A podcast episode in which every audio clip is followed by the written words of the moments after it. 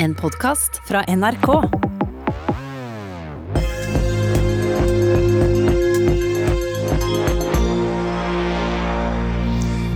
Klimabløff roper MDG om regjeringens nye oljeskatt. Og aller sintest blir de av Venstres skryt av den samme skatten. Markedet har allerede felt sin dom. Tirsdag ettermiddag kastet NRK og mange andre redaksjoner det vi hadde i hendene, og ilte til. Fire borgerlige ministre hasteinnkalte til pressekonferanse. På rad og rekke fortalte de om en ny skatt for oljeselskapene. Som et steg i det grønne skiftet. Og Une Bastholm, MDG-leder, dette har du kalt en bløff. Hva er bløffen? En klimabløff eh, har jeg kalt den. fordi og det har jo særlig egentlig vært til Venstres eh, salg av det her ut til eh, offentligheten.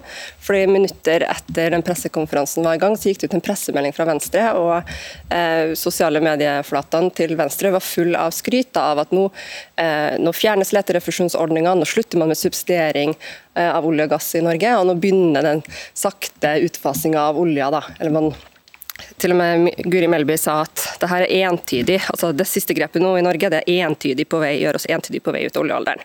Eh, og Det er jo tenker jeg, ikke bare sminking av sannheten, det er jo løgn. Altså Den ordninga vi har fått nå er en helt grei justering av risikoen eh, på sokkelen. Altså det vil si at det er eh, flere særlig av de små selskapene man har hatt, som kanskje kommer til å gå litt mindre inn i de mest risikable prosjektene, særlig leteprosjekter.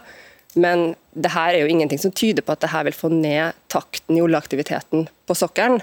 Eh, og da er jo også klimaeffekten høyst, høyst eh, lite reell, da. Vi tar det foreløpig ned på den litt sånn eh, enkle terminologien. Nå, nå høyner vi fra bløff til løgn. Eh, Sveinung Rotevatn, klima- og miljøminister. En bløffmaker? Det er jo mye annet ganske frisk ordbruk eh, klokka 07.40 om morgenen. Eh, Iallfall i en sak der altså en samla miljøbevegelse sier at det her er bra. Eh, SV sier at det her er bra. Alle fagøkonomer sier det er bra. Klimarisikoutvalget anbefalte det. Og så står altså MDGs leder og sier at det her er en bløff, og at Venstres leder lyger. Det syns jeg er ganske rart å observere. Eh, og det går jo egentlig inn i et bilde som er litt interessant. og det er at Til å være så opptatt av olje som MDG er, så kan de overraskende lite om oljepolitikk. Dette er viktig. Fordi i dag så har vi et skattesystem der staten tar en for stor del av risikoen ved prosjekt som kan være ulønnsomme. Nå gjør vi skattesystemet nøytralt, da det er selskaper som tar risikoen. Det har vært en viktig sak for Venstre og for mange andre parti og mange i miljøbevegelsen. Jeg syns kanskje MDG burde ta seg litt tid til å anerkjenne det, selv om det snart er valg. Nå skal vi nerde litt på de detaljene, for dette er overskriftene og det dere har gått ut med er det store. Men hvis vi skal forklare egentlig da, hvor er det dette kuttet for oljeselskapene hvor er det, hvor er det gjør det vanskeligere? Hvor er det de skal betale mer, egentlig? Jeg kan starte med hva de ikke gjør. da. Eh, fordi at eh, Vi har ikke framstilt det her som, eller sagt at dette vil stoppe all aktivitet på norsk sokkel. Altså, hvis du har lønnsomme prosjekt som selskap mener er lønnsomme Dere har sagt at dette er, en, det er et viktig steg, altså dette er noe som er en viktig bit i det ja. grønne skiftet, og dere har markedsført det ganske tungt. Ja, Vi har sagt at dette er viktig for å dempe klimarisikoen, og det sa også Klimarisikoutvalget. Og Grunnen til det er at med det gamle skattesystemet så var det en risiko for at prosjekt som var bare helt marginalt lønnsomme, eller kanskje til og med ulønnsomme, likevel ble satt i gang pga. skattesystemet, så, så det, som ikke var nøytralt. Dette er et lønnsomhetstiltak? Ikke et klimatiltak? Det er et klimarisikotiltak. og hvis eh, en gjør disse endringene... Da snakker vi om lønnsomhet. Altså det betyr jo at Hvis regjeringa nå får gjennomslag for de endringene vi har foreslått, så vil prosjekt som kunne blitt bygd ut før, som er ulønnsomme, ikke bli bygd ut. Og så får en velge selv da, om Det viktigste for en selv da er at du ikke setter ny olje og gass på markedet, eller at skattebetalerne tar mindre risiko, men uansett så er det bra. Du var veldig opptatt av reaksjonene dere fikk etterpå. Og Det var en grunn til at dere møtte opp seks på kvelden. Det var fordi at dette er børssensitivt, det dere kom med. Mm. Hva har skjedd med verdien av Equinor etter at dere la fram denne skattepakka? Det vet jeg ikke. Den har steget. 25 milliarder. Mm. Tror du det er fordi investorene i Equinor tror at de skal betale mer i skatt? Jeg eh, vet at med det systemet vi foreslår, så vil en samla sett betale inn 7 milliarder mer i skatt til staten årlig. Det er innstramming i petroleumsskattesystemet. Hvordan investorer i ulike oljeselskaper reagerer på det fra uke til uke, det kan jo handle om alt mulig. Det er vanskelig for meg å kommentere. De 7 milliardene er vanskelig å gå inn i, men de som regner på det og gjør med meg, vet at det handler om å få penger tidlig i stedet for sent, og at selskapene da kunne fått høyere avkastning på det, selv om man må betale inn noe mer til staten over tid. Det er ikke en lettelse for selskapene, sånn som det beregnes bedriftsøkonomisk. Men slik en beregner, slik, nei, slik en beregner det her fra statens side, fra Finansdepartementets side, så er det en innstramming i oljeskattesystemet på ca. 7 milliarder kroner i året. Men du omlegger jo hele systemet. ikke sant? Så Du mm. går til eh, netto kontantstrømsbeskatning. Og ja, det frigjør likviditet tidligere, men i sum så strammer det inn noe. Det vil bety at du kan fortsette med lønnsomme prosjekt, men de prosjektene som ikke er lønnsomme, eller marginalt lønnsomme, vil det være ganske stor risiko for selskapet å sette i gang med. Da får vi tro at de kanskje ikke gjør det. Problemet er at det er ingenting som tyder på at det er dem som er marginalt lønnsomt som er verst for klima. Det er derfor det ikke er en klimaseier. Jeg tror hele Norge, i hvert fall av dem som eh, forstår de endringene her, og det er jo egentlig litt eh, ganske teknisk opplegg det her, men de fleste er jo enige om at det nok er en hensiktsmessig justering for å unngå de liksom mest avsindige prosjektene da, som vi egentlig aldri skulle hatt på sokkelen.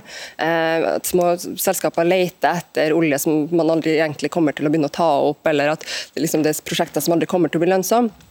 Greit nok, men hovedprinsippet på norsk sokkel er akkurat det samme fortsatt. det at eh, olje og gass har enormt gullkanta ordninger, hvor staten tar mesteparten av risikoen, også for leting. Eh, og det, det vi ser at Oljeanalytikerne kommenterer nå om, eh, om endringene i ordninga, er jo at det er andre prosjekt.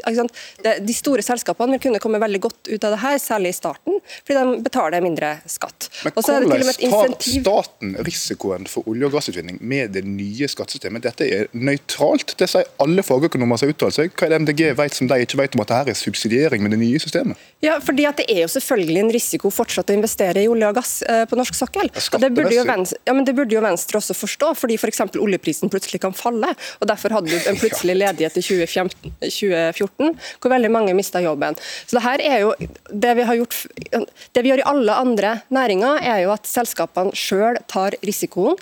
Eh, det er det som er vanlig i norsk næringspolitikk. og Det gjør jo at man har et naturlig insentiv kanskje til ikke gå inn i prosjekter som ellers ikke ville vært lønnsomme opptatt egentlig uansett av hvilken risiko oljeselskapene tar, så lenge de tar noe leter etter olje? Jeg sitter nå i finanskomiteen, så har nå vært litt opptatt av å holde på velferden til nordmenn, ja. Men, men er det noe men, som, dere, mener at, dere, dere mener det at vi er avhengig av oljeinntektene? Nei, det er vi ikke. Og Grunnen til det er at vi har et oljefond. Da er vi over på en litt annen diskusjon. Vi har jo et oljefond som ikke lenger er avhengig av friske penger inn fra sokkelen, altså salg av olje og gass. Eh, fordi vi tjener veldig mye mer på det fondet hvert år enn det vi får inn av friske penger pga. de investeringene som er gjort rundt omkring i verden. 1000 milliarder kroner vokste det norske oljefondet med siste halvåret. Men det, poenget her er jo at, poenget mitt er at selv om det er en justering som jeg tror nok helt riktig at ganske mange har venta på, av, av, petroleumsskatten nå, så har det ikke en reell Det er ingenting som tyder på at det har en god klimaeffekt. Og det her kommer jo midt i en valgkamp hvor FNs generalsekretær har gått ut og bedt alle land om å slutte å lete etter olje og gass. Det var det som var debatten. Så hasteinnkalte man til pressekonferanse og prøver å få det til å framstå som at nå liksom, vi er i gang med å svare på et klimaopprør i Norge. Og det er man jo på ingen måte. For det her er en justering av en skatt som sikkert er helt grei, men klimaeffekten av det er helt umulig å finne. Altså, Rotsvotten, kan du garantere at dette vil gi mye mindre leting på norsk sokkel med det skatteregimet som du har markedsført som et klimagrep nå? Det nye skatteregimet vil medføre at når en driver med letevirksomhet på norsk sokkel, så er det selskaper som tar risikoen for at det er lønnsomt. Hvorfor er det så vanskelig å besvare det spørsmålet hvis jeg spør om blir det mindre leting med dette skatteregimet? Fordi det kommer an på hvorvidt selskapet vurderer ulike felt som lønnsomme. Hvordan kan du vite at det er klimagrep da, hvis det ikke blir mindre leting? Fordi um, det blir mindre risiko for staten. Du får mer i inntekter til staten i oljeskatt. og så må jeg få lov til å si... Da snakker vi om penger.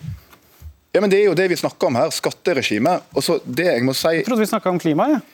Vi snakker om begge deler. Og Det som er en bløff her, om jeg må ofte si det, er måten MDG argumenterer på i debatten. For Det MDG egentlig sier, er at dette er fornuftige skattejusteringer som de er enige i, Men det Une Einar Bastholm argumenterer mot, det er at det i det hele tatt skal drives leiting på norsk sokkel uavhengig av skattesystemet. Det er Venstre enig i, men det er en helt annen diskusjon. Og Det er ikke det vi her snakker om. Dette går vi jo begge til valg på, og så må velgerne ta stilling til det. Men spørsmålet nå er MDG, er dere enig i dette skattesystemet, ja eller nei? Det har jeg sagt ja til før. Ja, men, men da er vi jo ikke... enige. Nei, fordi det jeg reagerer på er at dere går ut og kaller det her en stor seier for klimaet. Ja, jeg, jeg, mener at det er å være direkte uærlig og snakke usant eh, ti dager før vi har et stortingsvalg i Norge. Og Det er rett og slett uredelig fra, regjerings, eh, fra regjeringshold. og Venstre står jo sier noe helt annet enn Høyre. Altså, jeg har jo diskutert samme saken med, med Tina Bru i Høyre. Hun sier at poenget med det her er ikke å ha en klimaeffekt, poenget er å gjøre skattesystemet på sokkelen mer nøytralt, som man sier. Altså unngå de mest risikable investeringene, som jo ikke er hensiktsmessig for staten og heller ikke for selskapene. Men det, har, det er ikke et klimatiltak. Men Venstre går altså ut med brask og bram og kaller det det. og Det, det syns jeg er uredelig, for det er mye bedre at altså vi partiene som ønsker en stans i leting etter eh, olje og gass, eh, og som burde vært alliert egentlig i kampen for eh, at vi tar vare på kloden for, for ungene våre og verdens fattigste, vi burde jo snakke sant om hva det er som faktisk har en klimaeffekt og ikke. Og nå går dere, altså... jeg, registrerer, jeg, registrerer, at når MDG står og diskuterer det her med Venstre, så kaller de det for en bløff og alt det der, selv om de er helt enige. Mens f.eks. når fagbevegelsen i går er ute er kritiske, da er MDG på sosiale medier og sier skuffende. Fagbevegelsen må anerkjenne at vi ikke kan kaste penger etter ulønnsomme oljefelter. Så jeg tror nok MDG hvor, hvor har litt ulik rett. Dette var det vel en MDG-politiker, Eivind Trædal, som tvitra ja, det var Eivind Trædal som tvitra det i går. Jeg antar at du er enig i det? Men, men spørsmålet også, dere er uenige, men er noen av disse reaksjonene kommer det litt også av at man ser et Venstre som nå plutselig har fått valgvinden litt i ryggen? Jevnstore på målingene, dere sliter litt, og nå angriper dere det som er Miljøpartiet i regjeringen for skjønner, ikke å få til mer. Jeg skjønner spørsmålet, men nei. Fordi jeg er i politikken fordi at jeg ønsker å få til en endring. Jeg mener norsk politikk i dag ikke er bærekraftig. Jeg mener man har snakka usant om klima i veldig mange år. Man har jo egentlig lurt befolkningen til å tro at man kan fortsette eh, både aktiviteten på sokkelen og med det høye forbruket vi har og den høye forurensninga vi har, uten å måtte endre oss. Og nå har vi en, en, en valgkamp hvor endelig det her er opp eh, i dag, og vi diskuterer det og debatterer det. Eh, og da syns jeg på en måte Venstre skulle vært så redelig å si at dette er en skatteendring vi støtter, men vi kommer til å fortsette fortsette å jobbe for stans i leting etter olje og gass, først og fremst, for det er det som har den store det er, en, det er en oppfordring jeg regner med at du kommer til å bli konfrontert med fra MDG flere ganger. Men Det er jo akkurat det, det, er akkurat det vi sier. Vi da, er det det siste ordet vi fikk si, var at det er det dere sier. Ja, det det. Tusen takk, Sveinung Rotevatn og leder i MDG, Une Bastholm. Vi skal videre, for vi skal se på hva slags storting vi kanskje nå får med de meningsmålingene vi ser på, på som et snitt og det siste vi ser i eh, september. Og Vi har da invitert også Morten Myksvold fra Bergens Tidende, som vi har med oss for å analysere litt. Og Myksvold,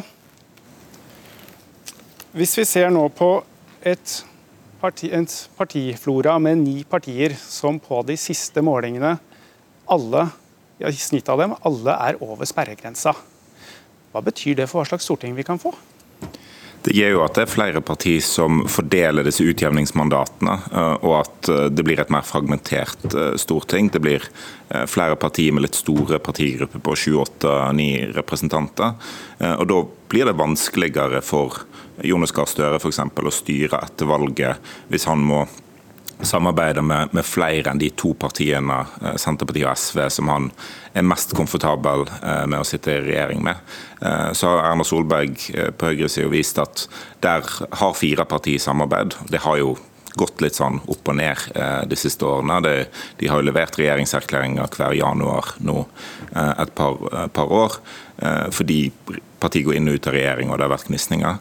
Eh, så det blir komplisert, og det vil jo måtte ligne litt på den politiske situasjonen en har i Bergen, eh, hvis det blir et så måtte, fragmentert uh, storting med et kanskje lite, en liten regjering som må leite etter flertall i Stortinget fra sak til sak. Så er jo Fordelen til Støre er at han har en del ulike veier til makt, sånn som, sånn som målingene ser ut nå. Hvis vi ser også på et storting som da skal eh, eksempelvis vedta eller stemme ned den oljeskatten vi så nå. Det at du får en partiflora og vi hører diskusjonen, hva, hva betyr et mer fragmentert storting sånn sett i forhold til sakene vi kan se, og saksbehandlingen, og hva som faktisk reelt sett blir norsk politikk? Det er vanskelig å si, fordi at altså, De partiene som skal inngå et budsjettsamarbeid, kan jo plutselig gå i lås hvis uh, Arbeiderpartiet uh, finner sammen med, med høyresida i, i, noen sånne store ting som f.eks. Uh, oljeskatt. Uh, og, og, Spesielt hvis det er noe SV motsetter seg. Og, så Det er ikke sånn at, at, at Støre bare kan shoppe flertall som han vil. altså Det er fortsatt statsbudsjett som må, må gjøres opp. Eh, så, så, det kan bli en veldig vanskelig situasjon eh, utover perioden, i hvert fall hvis eh, slitasjen kommer. Magnus Takvam, vi ser de store partiene har blitt mindre. Vi ser, hvis vi ser litt utenfor vår egen lille andedam, ikke så veldig langt, men vi ser både i Sverige og Danmark, vi ser ingen 30 %-partier lenger. Hva betyr det, hvis vi ser eh, for hvordan, eh, hvordan sammensetningen blir og, og, og, styringsdyktigheten for regjeringene? Ja, det er riktig. Det er eh, en generell trend at de klassiske gamle styringspartiene, som ofte var på 35 opp mot 40% f.eks. I, i Sverige, nå er langt mindre. Så det er en, en ny situasjon. Eh, og vi måtte ha hatt skal vi si, et topartisystem à la i Storbritannia, tror jeg, for å, for å komme opp i, i, så stabile tall for, for, store tall for partiene. Og, og, Det som rett og slett er årsaken, hvis vi skal snakke litt om det, er jo at samfunnet er i stor endring. Verden er mer kompleks enn eh, man hadde i etterkrigstiden. Og i Norge føler jeg det er to store trender som, som presser f.eks. den koalisjonen Arbeiderpartiet har utgjort. Det er nemlig by-land. Vi har et skisma mellom storby og distrikt. Og klima- og miljøsaken eh, på samme måte presser disse store tidligere styringspartiene, slik at de på mange måter er eh, fragmentert og delt opp i flere eh, partier, så å si. Og hvis vi ser litt på hva som nå skjer eventuelt på rød-grønn side etter et valg. Det har vært mye diskusjoner hele tiden, og det vi har holdt på med lenge. Men Ap-Senterpartiet usannsynlig, og så begynner man å se at kanskje Ap-Senterpartiet SV heller ikke et flertall. Hva skjer da? Nei, Det er jo eh, skal vi si, litt hodepinen for Jonas Gahr Støre nå. og Vi legger merke til at han insisterer på at hans mål jo er denne, dette flertallsprosjektet med Senterpartiet og SV Rett og slett fordi det er det som er det beste styringsgrunnlaget for ham. Eh, men hvis det ikke går slik, så er det jo en serie av alternativer. Jeg tror f.eks. at Arbeiderpartiet da vil være opptatt av å binde Senterpartiet i regjering. Eh, og da eh, en, en opsjon er da en mindretallsregjering av Arbeiderpartiet og Senterpartiet, men også med SV. Fordi gitt det bildet vi streket opp med Stortinget, så vil det være da en ganske sterk venstrefløy, miljøvennlig venstrefløy, som ikke er representert i den regjeringen. Eh, så dermed får, får den delen av velgerkorpset ikke representasjon. sånn at det er veldig åpent, og nettopp kanskje et av de mest spennende liksom, eh, eh, resultatene etter valget vil nettopp være hvordan dette kommer til å se ut. Myksvold, vi ehm, snakker jo mye om eh, den kommende seieren nærmest på rød-grønn side. men man har jo hatt Mange ganger så har man kommet med mye odds før om at et valg skal bikke den ene halve retningen, og så blir man overraska.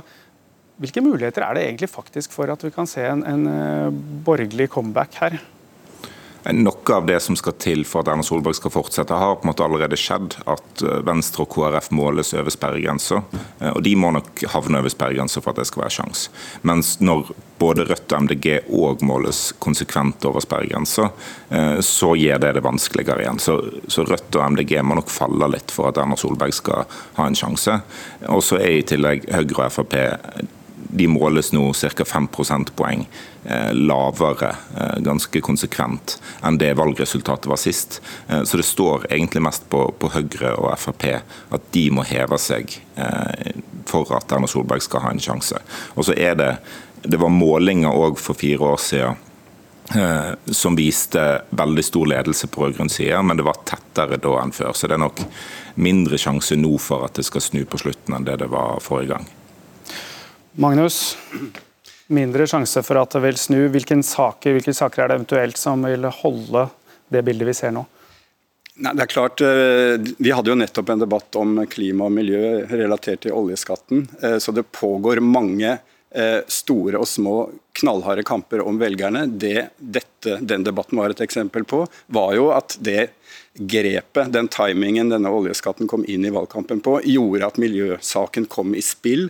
Og Åpenbart er MDG nervøs for at det skal gi en klimagoodwill både til Venstre og Høyre nå i innspurten. Og da kjemper de hardt for å holde på, på eierskapet til den saken. Det er ett eksempel. Så hvis vi skal oppsummere så vidt, så kan det kanskje virke som at det er klimasaken sånn sett, som skal holde partiene over sperregrensen, som nå kjemper med den. Tusen takk, Magnus Takvam. Tusen takk, Morten Myksvold. Mitt navn er Trond Lydersen. Du har hørt en podkast fra NRK. Hør flere podkaster og din NRK-kanal i appen NRK Radio.